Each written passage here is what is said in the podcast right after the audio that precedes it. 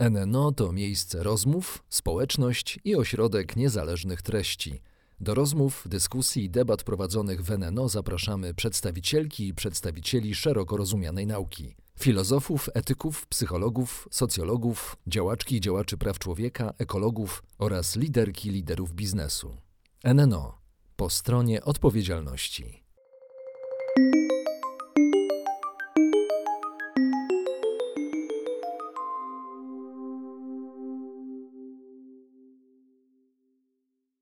Eliza Michalik, dzień dobry Państwu. Jak już Państwo wiedzą z poprzednich rozmów, jestem dziennikarką i dla Fundacji Nie Nieodpowiedzialni w ramach projektu NNO e, promującego takie odpowiedzialne zachowania w biznesie, ale też w mediach i w ogóle odpowiedzialne zachowania. Zaprosiłam dziś pana profesora Andrzeja Ledera z Instytutu Filozofii i Socjologii Polskiej Akademii Nauk.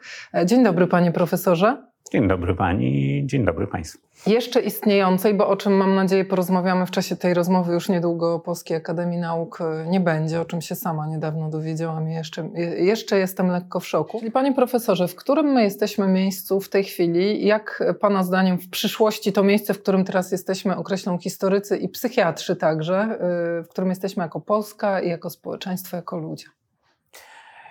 Pierwsza rzecz, która mi przyszła do głowy, to jest e, rozszczepienie. To znaczy, y, polskie społeczeństwo y, jest w różnych miejscach, jest co najmniej na dwie bardzo różne części podzielone.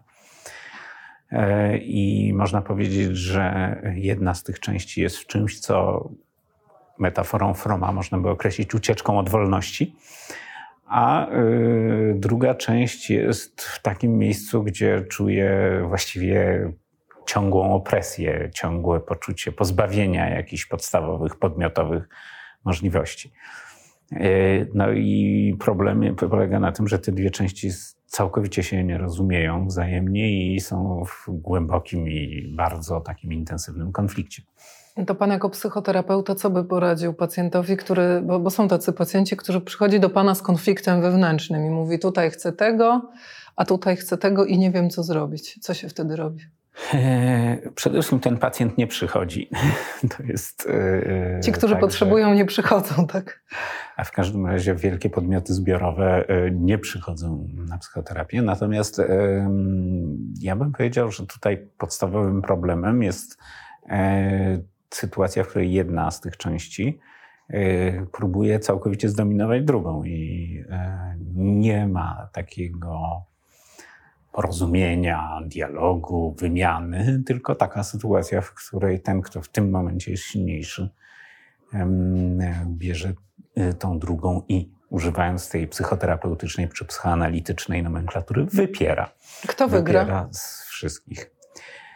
Zwykle, y, jeżeli ktoś miałby tak naprawdę wygrać, to przegrają wszyscy, Mhm. Natomiast e, ja nie tracę nadziei, że w jakimś momencie uda się e, doprowadzić do jakiejś integracji, to znaczy do tego, że ten e, bardzo podzielony twór zacznie znajdować jakiś sposób funkcjonowania, który nie będzie aż tak wewnętrznie opresywny, czyli w którym obie części, już nie mówiąc o wielu innych, które są w tych dwóch zawarte, mhm. E, znajdą jakiś sposób funkcjonowania. Tylko jak? Bo ja mam wrażenie, że żeby doprowadzić do integracji, to no muszą zajść jakieś procesy, na przykład wśród Polaków w naszym społeczeństwie, w kraju.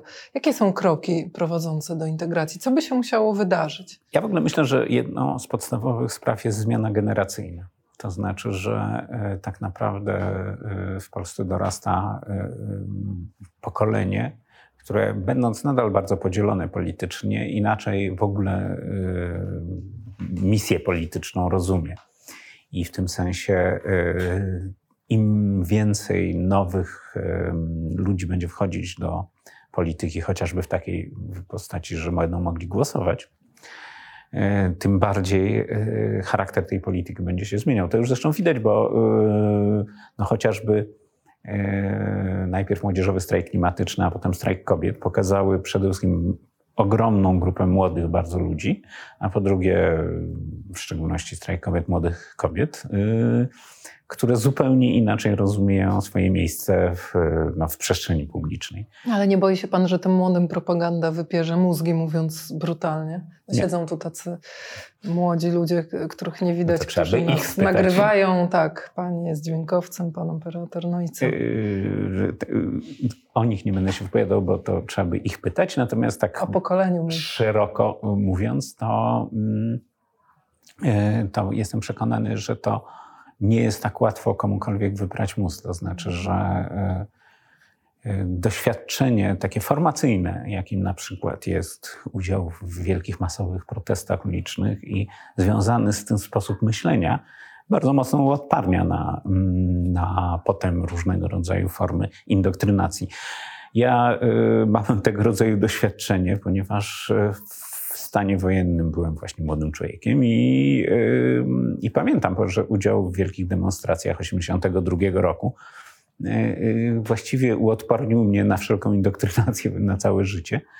I, yy, i też na na przykład przemoc i no, taką uliczną przemoc władzy, policji i innych tego rodzaju sił opresywny. Ale pytanie brzmi, czy wolność, bo ja często się nad tym zastanawiam, czy wolność jest jeszcze komuś potrzebna, bo rozmawiałam kiedyś z takim byłym wysokim oficerem służb specjalnych, który mi powiedział, że jego zdaniem dwie rzeczy, prywatność i wolność, w tym nowoczesnym świecie social mediów, technologii już są ludziom niepotrzebne. Prywatność to była taka rzecz, którą kiedyś chroniliśmy, nasza intymność.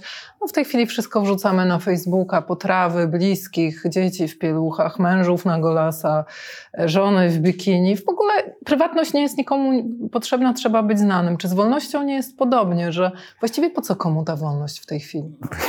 tak jak pani mówi, że to był ktoś ze służb specjalnych, to powiedziałbym z punkt widzenia. Zależy. Yy, zależy od mhm. punktu siedzenia. I jeżeli nadzieję. ktoś ze służb specjalnych mówi, że wolność już nikomu nie jest potrzebna, to bym się zastanowił nad nim jako pracownikiem służb specjalnych. Ale, nie, że on powiedział, że jego zdaniem ludzie tak no czują, ja rozumiem, że on obserwuje no, po zachowaniach. Jest taki mechanizm jak projekcja, to znaczy, że, Aha. A to ciekawe. Że, że ktoś, kto sam funkcjonuje w bardzo opresywnej instytucji uważa, że normy i standardy tej opresji również są przyjęte i uwewnętrznione przez innych.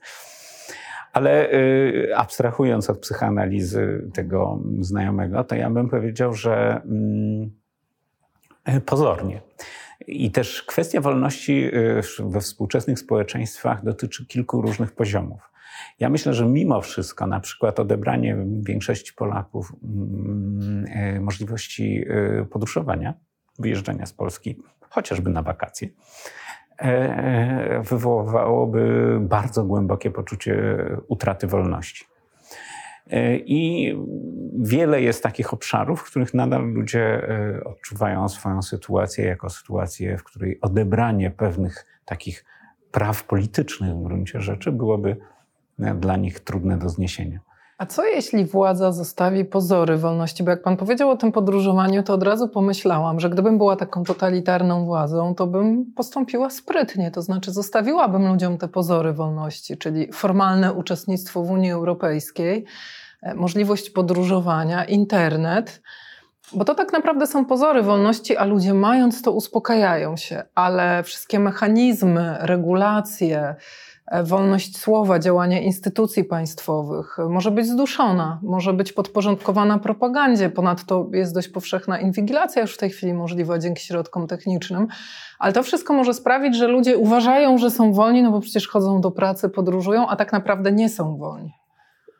To prawda, aczkolwiek i na tym zresztą opierają się te yy, demokracje nieliberalne, no, których tak. coraz więcej jest w świecie. Wolność gospodarcza, ale. Y, natomiast y, moim zdaniem to są e, projekty krótkotrwałe, to znaczy, że w każdym razie krótkotrwałe w pojęciu filozofa metafizycznego, czyli. Czyli 50 czyli, lat? Na przykład.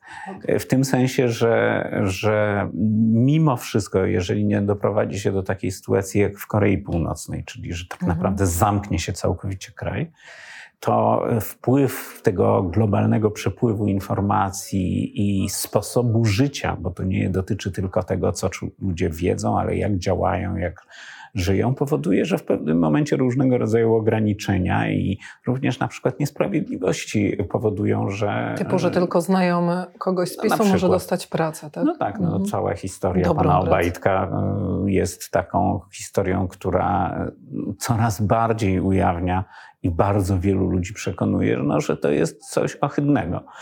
I, e, I oczywiście te procesy nie idą bardzo szybko, ale idą. To jest, e, no, bo ja wiem, historia z Trumpem, e, który mimo tego, że posługiwał się bardzo wieloma strategiami właśnie takiego informacyjnego tworzenia mgły, mhm. To no to jednak w końcu przegrał te wybory. To tam była ta siła instytucji, której w Polsce nie ma, prawda? Nie wierzę tylko w siłę instytucji. To znaczy, e, Trump potrafił naginać instytucje amerykańskie. On, on oczywiście z nimi czasem wygrywał, czasem przegrywał.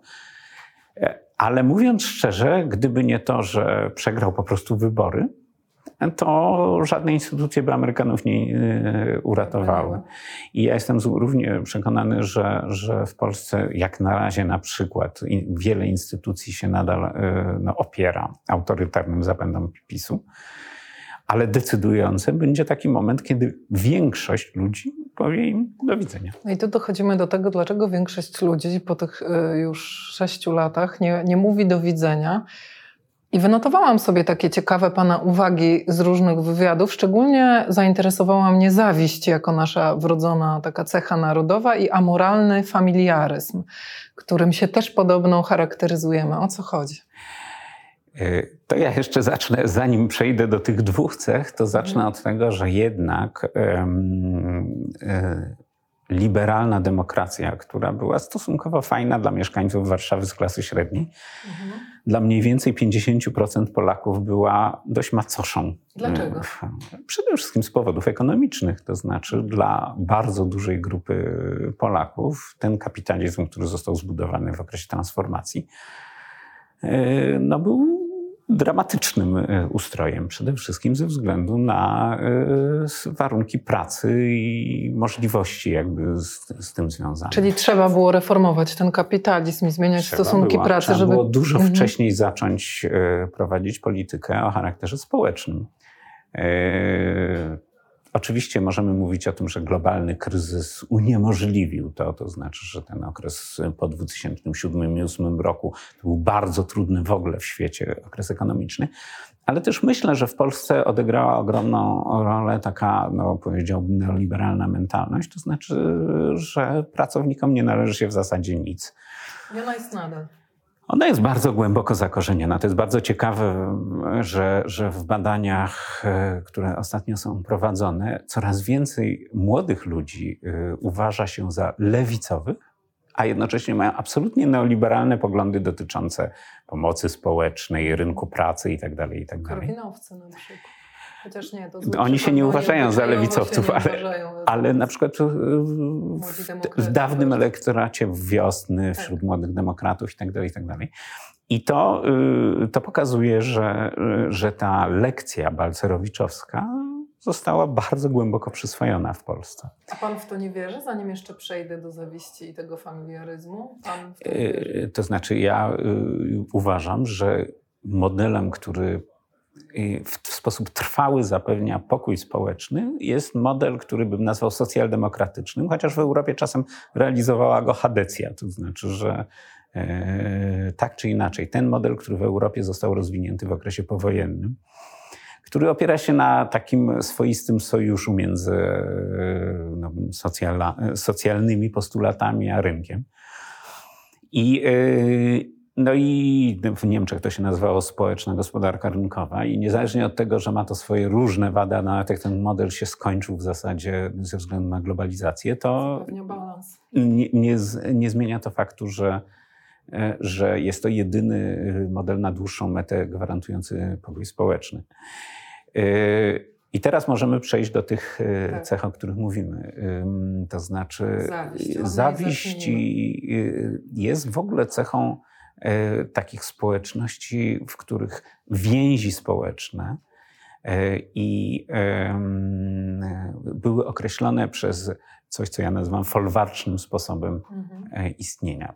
polskie społeczeństwo mniej więcej trzy wieki, no, przez właściwie cały okres, który określał e, no, fundamentalne cechy tego społeczeństwa, czyli mniej więcej od XVI do XVIII-XIX wieku, było społeczeństwem folwarcznym. Po, po, pierwsze wiejskim, w którym wspólnota wiejska była bardzo mm, determinująca mentalność, a po drugie hierarchicznym, w którym władza możnych nad tymi, którzy byli od nich zależni, była ogromna. I, yy, I na dodatek ogromną większość społeczeństwa polskiego, chłopskiego społeczeństwa, cechowała bieda. W społeczeństwie, w którym bieda jest notoryczna, każdy, kto się wybija, budzi zawiść. I e, znaczy, jeżeli nie jest to powszechnie dostępna możliwość, czyli nie mamy takiej własnej wersji American Dream, to, no to po prostu jest tak, że, e, że e, samo wybicie się w takiej czy innej formie jest potępiane. Jest formą pychy, wynoszenia się nad innych. Wspólnota powinna być mniej więcej równa i nie wybijać. E, natomiast amoralny familiaryzm to jest, czy familizm też się to czasem mhm. określa, to jest w ogóle takie pojęcie, które ukuł dość konserwatywny amerykański socjolog badający południowe Włochy e, i e, w których stwierdził, że mm, właściwie jedyne relacje społeczne, które się liczą, to są relacje rodzinne. Wszystko, co reprezentuje większą strukturę, na przykład państwo, jest traktowane jako wrogie i opresywne.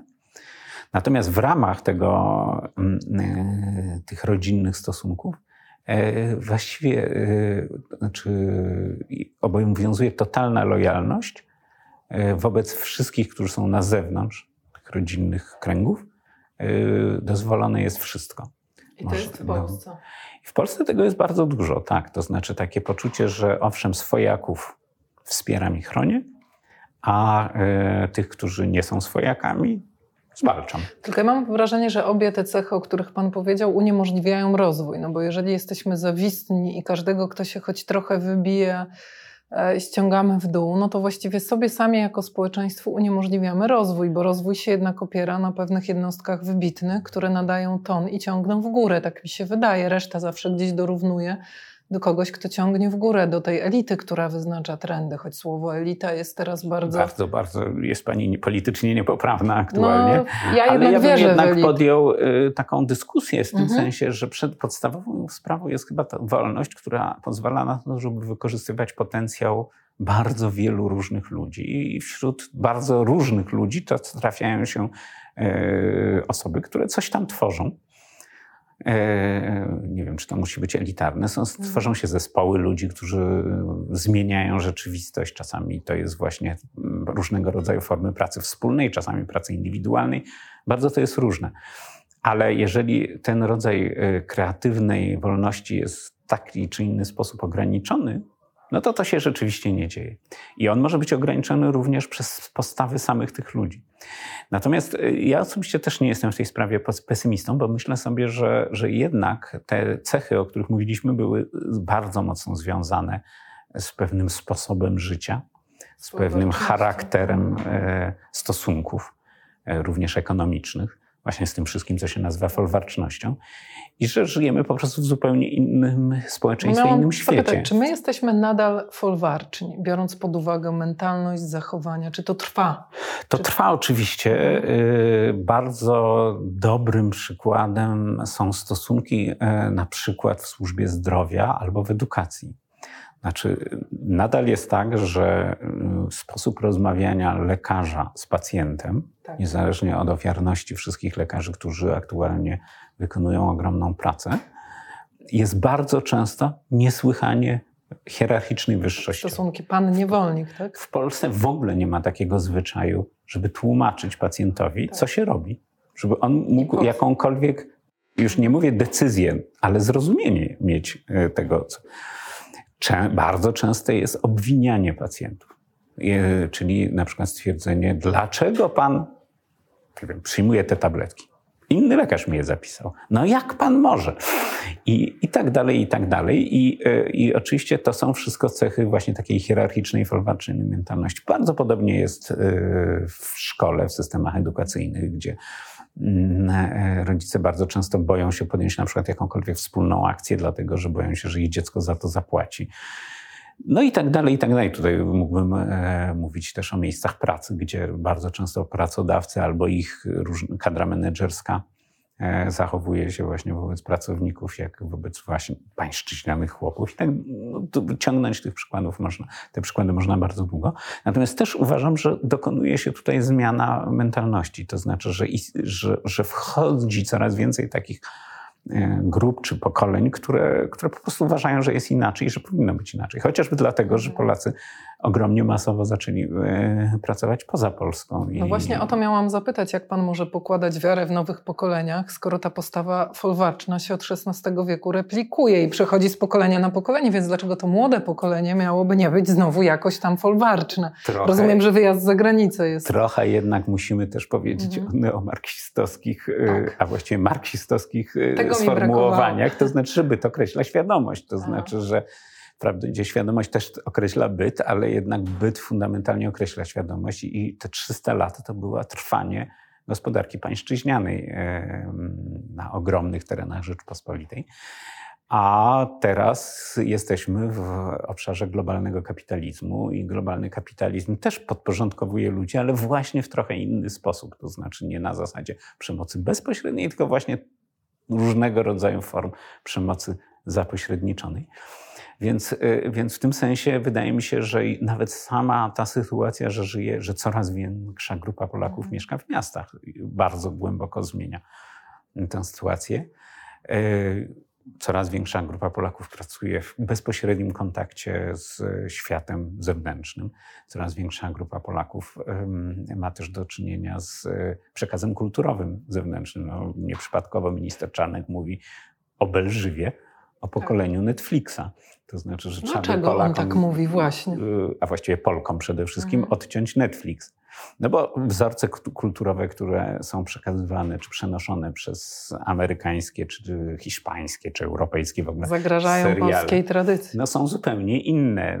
Czy postawy, które aktualnie pokazuje się na przykład kobiet, są e, postawami e, często buntu, kontestacji, walki z różnego rodzaju formami opresji i przemocy i, i, i jak rozumiem, to jest niezgodne z e, tradycją, którą chciałby minister Czarnek, czy w ogóle konserwatyści w Polsce utrwalać. Myślę, że w tym momencie powinniśmy porozmawiać o języku, bo pan mówi buntu, to się uśmiechnęłam, bo rozumiem, że chodzi o postawy, które y, wszędzie na świecie, na przykład kobiet, są całkowicie normalne, a w, na przykład biorę pigułkę dzień po, albo robię aborcję, jeśli mam wskazania medyczne, albo nawet jeżeli e, podjęłam społeczne, jeśli po prostu podjęłam taką decyzję. W Polsce mówi się, że to bunt. Ja jako dziennikarka często doświadczam tego, że mówi się, że jestem kontrowersyjna, przy czym w ogóle słowo kontrowersyjna to jest takie słowo śmieć. Ono właściwie jest używane jak maczuga, którą się leje po głowie każdego, kto, uwaga, wypowie swoje zdanie. Ja po prostu wypowiadam swoją opinię.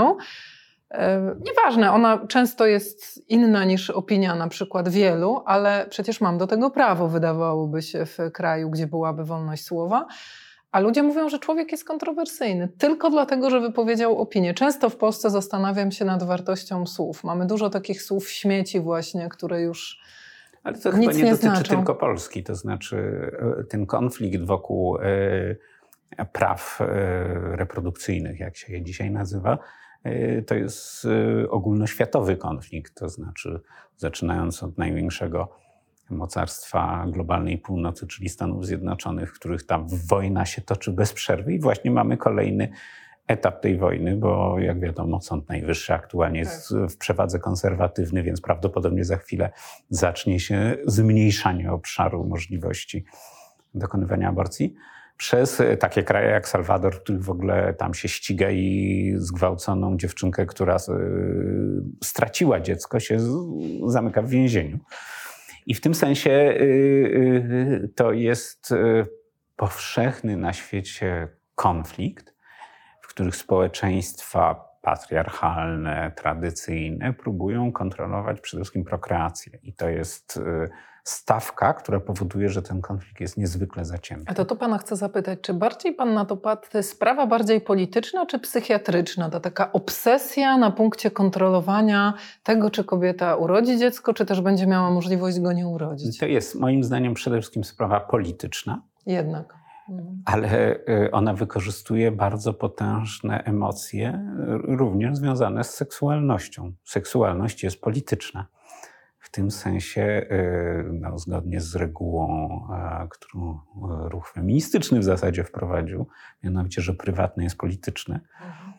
to w jaki sposób ludzie żyją i przeżywają swoją seksualność jest stawką polityczną. Czasami Kontrola tak. nad tym mhm. jest potężnym narzędziem politycznym. E, I potęga Kościoła katolickiego w dużym stopniu opiera się na kontroli seksualności i na wdrukowywaniu pewnego rodzaju moralności seksualnej, z takim zresztą założeniem, że każdy może tą moralność złamać, ale się musi poczuć winny i wyspowiadać. I przybiec do kościoła, który wtedy jest potrzebny. Który jest dysponentem y, odpuszczenia. I w tym sensie y, oczywiście y, kontrola seksualności, kontrola reprodukcji jest tak ważną stawką w każdym społeczeństwie. No, widzimy tego, to mhm. wyraźnie w Polsce, bo jest nieprawdopodobny problem demograficzny, który jest olbrzymim wyzwaniem i ekonomicznym, i politycznym że, że wszystkie tradycyjne społeczeństwa chcą kontrolować, i zwykle rządzone przez mężczyzn, chcą kontrolować e, prokreację.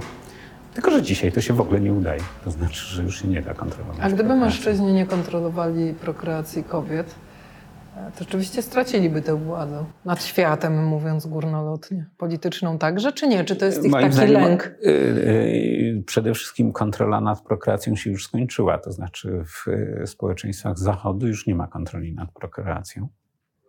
A mężczyźni nadal rządzą, więc nie bójcie się, drodzy polscy rycerze. Mężczyźni częściowo rządzą. Też uważam, że już ta władza jest bardzo, bardzo naruszona i w porównaniu jednak do społeczeństw e, do XIX wieku e, jej jest znacznie mniej. Natomiast rzeczywiście e, te, te, ten problem jest bardzo głęboko polityczny i, i dlatego między innymi, ponieważ jest to walka o władzę, no to wzbudza nieprawdopodobnie silne emocje. Ja mam takie wrażenie, to tu kręcimy się wokół tej wolności, ona jest też z pieniędzmi silnie związana. Ja mam wrażenie, że Polska to jest taki kraj, w którym nienawidzi się tego systemu z powodów, o których Pan mówił, tego liberalnego, bo on się kojarzy e, często słusznie z wykorzystywaniem ludzi, z takim dzikim kapitalizmem. Ale jeszcze właśnie mhm. z ograniczeniem wolności, bo jednak, e, czy nawet bez jednak, sytuacja, kiedy człowiek e, zarabia takie pieniądze, że nie może wyjechać ze swojej miejscowości. To tak. po prostu nie stać na środek transportu, a po prostu nie ma komunikacji publicznej. Praktycznie ma ograniczony dostęp do nawet e, żywności, bo mhm. żywność, która jest lepszej jakości, jest droga po prostu. Tak. Y, no, nie ma dostępu do kultury, bo kultura jest droga. Nie ma dostępu do służby zdrowia, bo służba zdrowia właściwie została sprywatyzowana, publiczna jest taka brak bardzo pieniędzy ograniczona. oznacza brak życia po prostu. Jest, mhm. Jego wolność jest zupełnie ograniczona i on w najmniejszym stopniu nie będzie się przejmował wolnością polityczną, ponieważ e, odebranie wolności ekonomicznej w tym sensie E, powoduje, że wolność polityczna z jego punktu widzenia jest nieważna. Ale to nawet brzmi logicznie, bo to, to jest ta skala potrzeb, że potrzeby mogą być, są potrzeby wyższego rzędu i niższego i nie przechodzimy do realizacji potrzeb wyższego rzędu, jak właśnie samorealizacja czy miłość, dopóki nie jest zapewnione to poczucie bezpieczeństwa, czyli masz gdzie mieszkać, masz co jeść, masz za co żyć i czujesz się bezpieczny finansowo. Jeżeli te potrzeby nie są zaspokojone, to człowiek nie przechodzi wyżej. Czyli w sumie co się dziwimy, że 500 plus działa, tak można by strywializować. Tak, nie należy się Jak nie masz za co kupić nie dziecku buty, na to, to pieklić.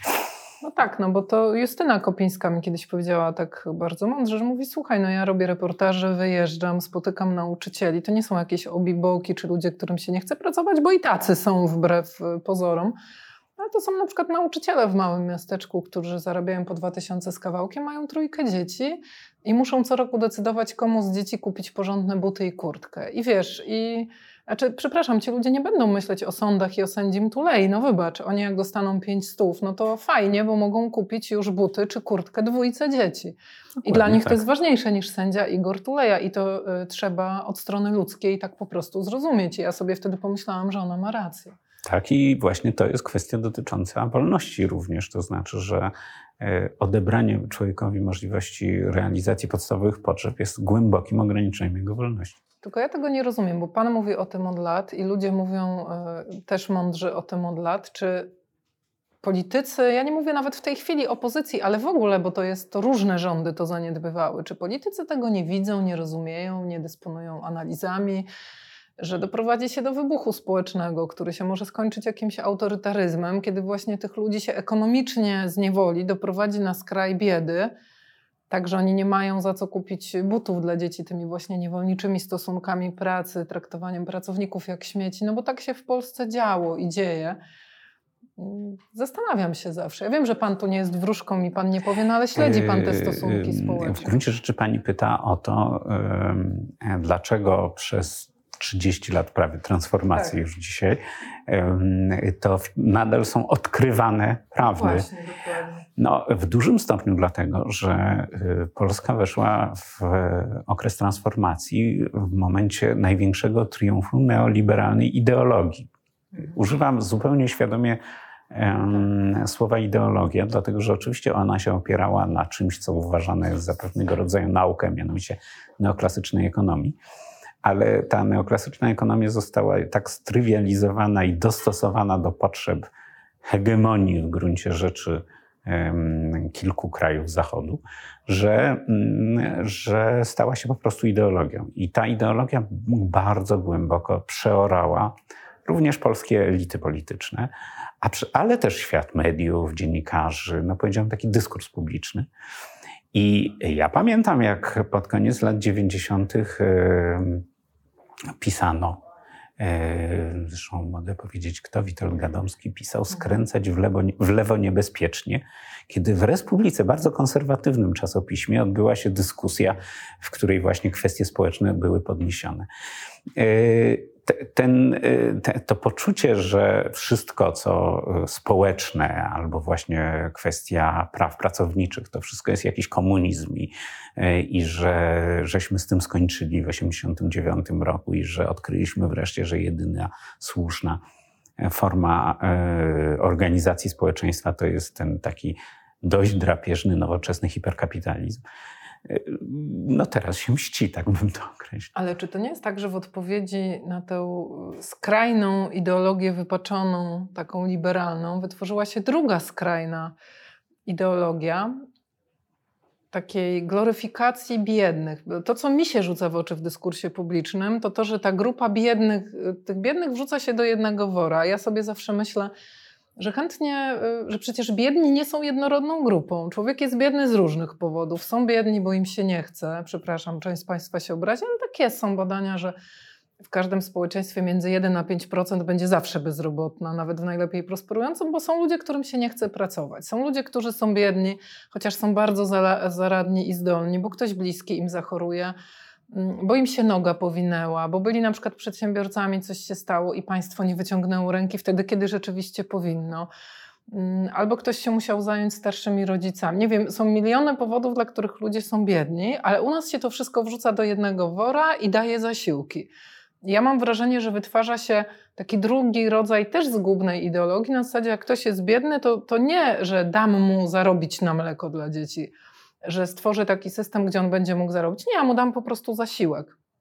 Ja mam wrażenie, że wytwarza się potem kilkudziesięcioletnich z pokolenia na pokolenie klientów pomocy społecznej i że obie te ideologie są złe. A gdzie jest normalny środek, żeby stworzyć warunki, że ludzie po prostu chodzą do roboty i sami zarabiają na życie, a do państwa idą wtedy, kiedy no, muszą i wtedy ta pomoc powinna być.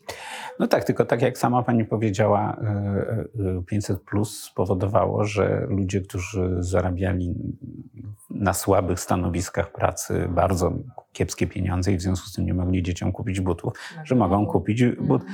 Mhm. Samo, sam fakt tego, że płaci się poniekąd za pracę wychowawczą, jest moim zdaniem słuszne. Wychowywanie dzieci to jest ciężka praca i ona jest wykonywana na rzecz Prawda. E, przyszłości społeczeństwa, w którym żyjemy. E, więc, więc tu akurat nie widzę problemu. Ja w ogóle myślę, że ten taki stosunek do biedy i ubóstwa, że tak powiem, głównie polegający na posypywaniu głowy popiołem, jest bardzo częsty wśród przedstawicieli e, klasy średniej. Powiedziałbym, że to jest taka nowa chłopomania. To znaczy, że, że, e, że teraz się stało to w jakimś sensie modne. Jest ten cały nurt odkrywania ludowej historii Polski, mm. właśnie historii tak. pańszczyzny i tak dalej, i tak dalej. I z tym po, połączona jest walka z elitaryzmem i na przykład całkiem niedawno przetoczyła się przez media społecznościowe dyskusja o posiadaniu książek w domu i tym, że ludzie się fotografują na tle bibliotek i że tego nie powinni robić, i w ogóle eksponowanie tego, że się czyta albo mówienie krytycznie o ludziach, którzy nie czytają książek, to w ogóle jest właśnie elitaryzm, klasizm i tak dalej, i tak dalej. No to, to wydaje mi się właśnie taką chłopomanią e, rodem z wesela. To znaczy, bez głębokiej znajomości i zrozumienia e, tych ludzi w społeczeństwie, którzy z jakichś przyczyn nie czytają książek, robi się z tego jakąś wartość. I, i, i oczywiście to jest e, moim zdaniem e, równie mm, w gruncie rzeczy pogardliwe jak wynoszenie no się. Natomiast, natomiast jak powinna być prowadzona polityka społeczna, to to jest olbrzymi temat. Nie wiem, czy powinniśmy go próbować tutaj rozstrzygnąć. Ja bym powiedział, że dawanie pieniędzy jest na pewno niewystarczające. To znaczy Można pieniądze... od tego zacząć, kiedy jest duża bieda, prawda?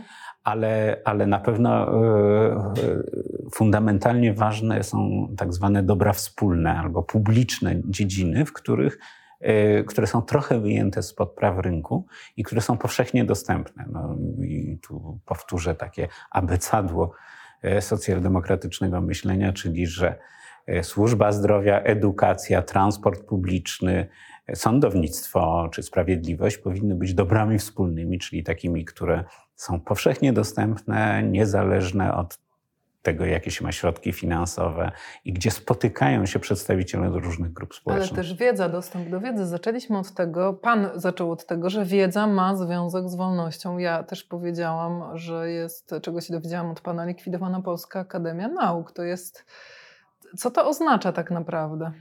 Bo my i tak mamy niski poziom wiedzy, edukacji. Znaczy, myślę, że plan kopernikański, czy stworzenia tego y, jakiegoś programu kopernikańskiego jest tak naprawdę próbą podporządkowania mm, Instytutów Polskiej Akademii Nauk y, no, dysponentom politycznym. Po prostu. Y, myślę, że pomysł wziął się z Węgier, bo Orbanowi się to udało na Węgrzech, zlikwidować Węgierską Akademię Nauk. E, jeżeli to traktować jako wykładnik stosunku do nauki czy do wiedzy w ogóle, to ja bym powiedział, że tak, konserwatywne rządy mm, bardzo często uważają, że powszechna edukacja jest rzeczą niepotrzebną. Bo mądrzy ludzie zagrażają autorytarnej władzy? Tak, są krytyczni, bo mają różnego rodzaju pomysły, które nie podobają się tej wiedzy. Ja bym powiedział, że na przykład coś, o czym przed chwilą rozmawialiśmy, to znaczy wolność prokreacyjna jest absolutnie i bezpośrednio związana z edukacją. To znaczy w społeczeństwach, w których kobiety e, uzyskują podstawową wiedzę czytania i pisania, czyli jest podstawówka dla kobiet, kończy się niekontrolowana prokreacja. I to działa, powiedziałbym, uniwersalnie od Indii do Stanów Zjednoczonych. E, I w tym sensie e, oczywiście wiedza jest czymś, co zmniejsza kontrolę tych, którzy dysponują władzą. Zupełnie niedawno był, e, założono w Warszawie jakiś taki instytut intermarium, to się nazywa, który założyło Ordo Juris. Tak. I tam wygłaszali przemówienia mm, przedstawiciele właśnie tego ultrakonserwatywnego nurtu europejskiego. I oni mówili wprost, równość jest przereklamowana, e, e, powszechna edukacja to było szaleństwo, po co właściwie kobiety edukować i tak dalej, i tak dalej. To było wprost powiedziane do tego stopnia, że nawet przedstawiciel intelektualistów popierających aktualną władzę w PiS, czyli profesor Zybertowicz, zaczął ostro polemizować z tymi poglądy, poglądami. Więc, więc w tym sensie wydaje mi się, że, mm, że po prostu y, zmniejszenie stopnia krytycznego nastawienia ludzi edukowanych jest w interesie każdej władzy, która dąży do autorytaryzmu. Tylko czy to nie jest tak, że to trafia na podatny grunt, bo ludzie cenią sobie bardziej poczucie bezpieczeństwa, na przykład finansowego, ale też takie poczucie, że jest na górze ktoś silny, w sensie ta władza, która decyduje za mnie, ja właściwie nie muszę się przejmować, niż wolności i stąd to pada na podatny grunt. To jest ta część ludzi, ta, która e, żyje w tym świecie ucieczki od wolności. To jest zjawisko opisane już w latach 30. Tak, na przykładzie Niemiec. I mhm. oczywiście w Polsce e, jest też taka bardzo duża grupa ludzi, którzy których wolność wręcz niepokoi. Wolność zmusza no do podejmowania decyzji, mhm. zmusza do brania odpowiedzialności za wybory, e, zmusza właśnie do dowiadywania się różnych rzeczy i tak dalej, i tak dalej. I to powoduje, że dla jakiejś części ludzi jest towarem zbędnym, bym to tak określił, albo wręcz e, zbędnym ciężarem. E, no i nie ma na kogo zwalić, panie profesorze, no bo jak zwalić coś źle wyszło. Zwalić zawsze no, można. Ale jeśli ja jestem odpowiedzialna i coś mi nie wyszło, no to musiałabym poszukać odpowiedzialności, bo nie lubię słowa wina, ale odpowiedzialności w sobie. Może ja czegoś zaniedbałam, może ja nie skorzystałam z jakichś szans zawodowych, może ja ze strachu czegoś nie zrobiłam, co mogłam zrobić i dlatego nie powiodło mi się na przykład materialnie tak dobrze, jakbym chciała. A tak można sobie po prostu zrzucić. Najpierw niezłe państwo, tam wredni ludzie, złodzieje kradną, ja nie kradnę, dlatego mi nie wyszło. Czy nie? Czy jest... Rzeczywiście y, wydaje mi się, że ten mechanizm, o którym pani mówi, jest właśnie bardzo powszechny w tej grupie, która, którą y, jako plemię ucieczki od wolności możemy y, określić. No i jest taka część ludzi, którzy uwielbiają swoją podmiotowość, to znaczy są po prostu fanami tego, żeby podejmować decyzje, żeby też ponosić odpowiedzialność, choć tego akurat nie wiem, czy tak powszechnie się Wszyscy lubi, tego nie ale na pewno y, tego, żeby mieć poczucie, że to ja decyduję o swoim życiu. No i ta grupa raczej nie ucieka od wolności. I spór w każdym społeczeństwie pomiędzy tymi dwoma grupami decyduje o charakterze politycznym tego społeczeństwa. To na koniec zapytam pana o radę. Co ja mogę zrobić jako obywatelka albo państwo, którzy słuchają tej rozmowy, tu i teraz, w tym państwie rządzonym tak, jak jest rządzone, w ustroju, jaki jest. Czy ja coś mogę zrobić, żeby tę swoją małą cegiełkę dołożyć do tego, żeby ta mentalność była trochę lepsza, żeby, no nie wiem, żebyśmy się stawali trochę bardziej światli? Pierwsza rzecz, która mi przyszła do głowy, to zaszczepić się. A, Zrobione. A, y, a poza tym ja myślę, że jedną z rzeczy, o których bardzo powinniśmy zacząć mówić, to jest dowartościowanie polityki. Mhm. To znaczy polityka jest sferą, w której decyduje się to, w jakim społeczeństwie żyjemy. Polityka ma ogromną wagę. Polityka jest trudnym zawodem, więc to, jak bardzo polityka jest w Polsce zdewaluowana, jest pewnego rodzaju karykaturą, jest też symptomatyczne, właśnie jest symptomatyczne dla pewnego rodzaju ucieczki od odpowiedzialności. Ja myślę, że, że podstawowy chociażby obowiązek to jest interesować. Interesować się to znaczy wiedzieć mniej więcej, co się wybiera, kiedy się wybiera. Czyli nie ma, nie interesuje się polityką, to jest nie antyobywatelskie. Ma. Tak, uważam, że to jest antyobywatelskie. Y, co do aktywności politycznej, to już nie będę namawiał, bo to już naprawdę jest tak daleko, że, że większość y, ludzi by się postukała w głowę, ale, ale chociażby na takim poziomie, żeby wiedzieć, co się w tej polityce dzieje i też szukać narzędzi rozumienia, bo oczywiście, kiedy słucha się właśnie o tam, nie wiem, jakichś rozmowach Kaczyńskiego z Kukizem, to wydaje się, że to jest po prostu jakieś e, no, kompletnie nieistotne wydarzenie, ale tak naprawdę różne takie wydarzenia decydują o naszym życiu. Czyli jednak polityka jest najważniejsza. W tym momencie tak. Pan profesor Andrzej Leder, dziękuję bardzo. Dziękuję bardzo, dziękuję Państwu. Państwu życzę wolności, dziękuję, że wysłuchali Państwo naszej rozmowy.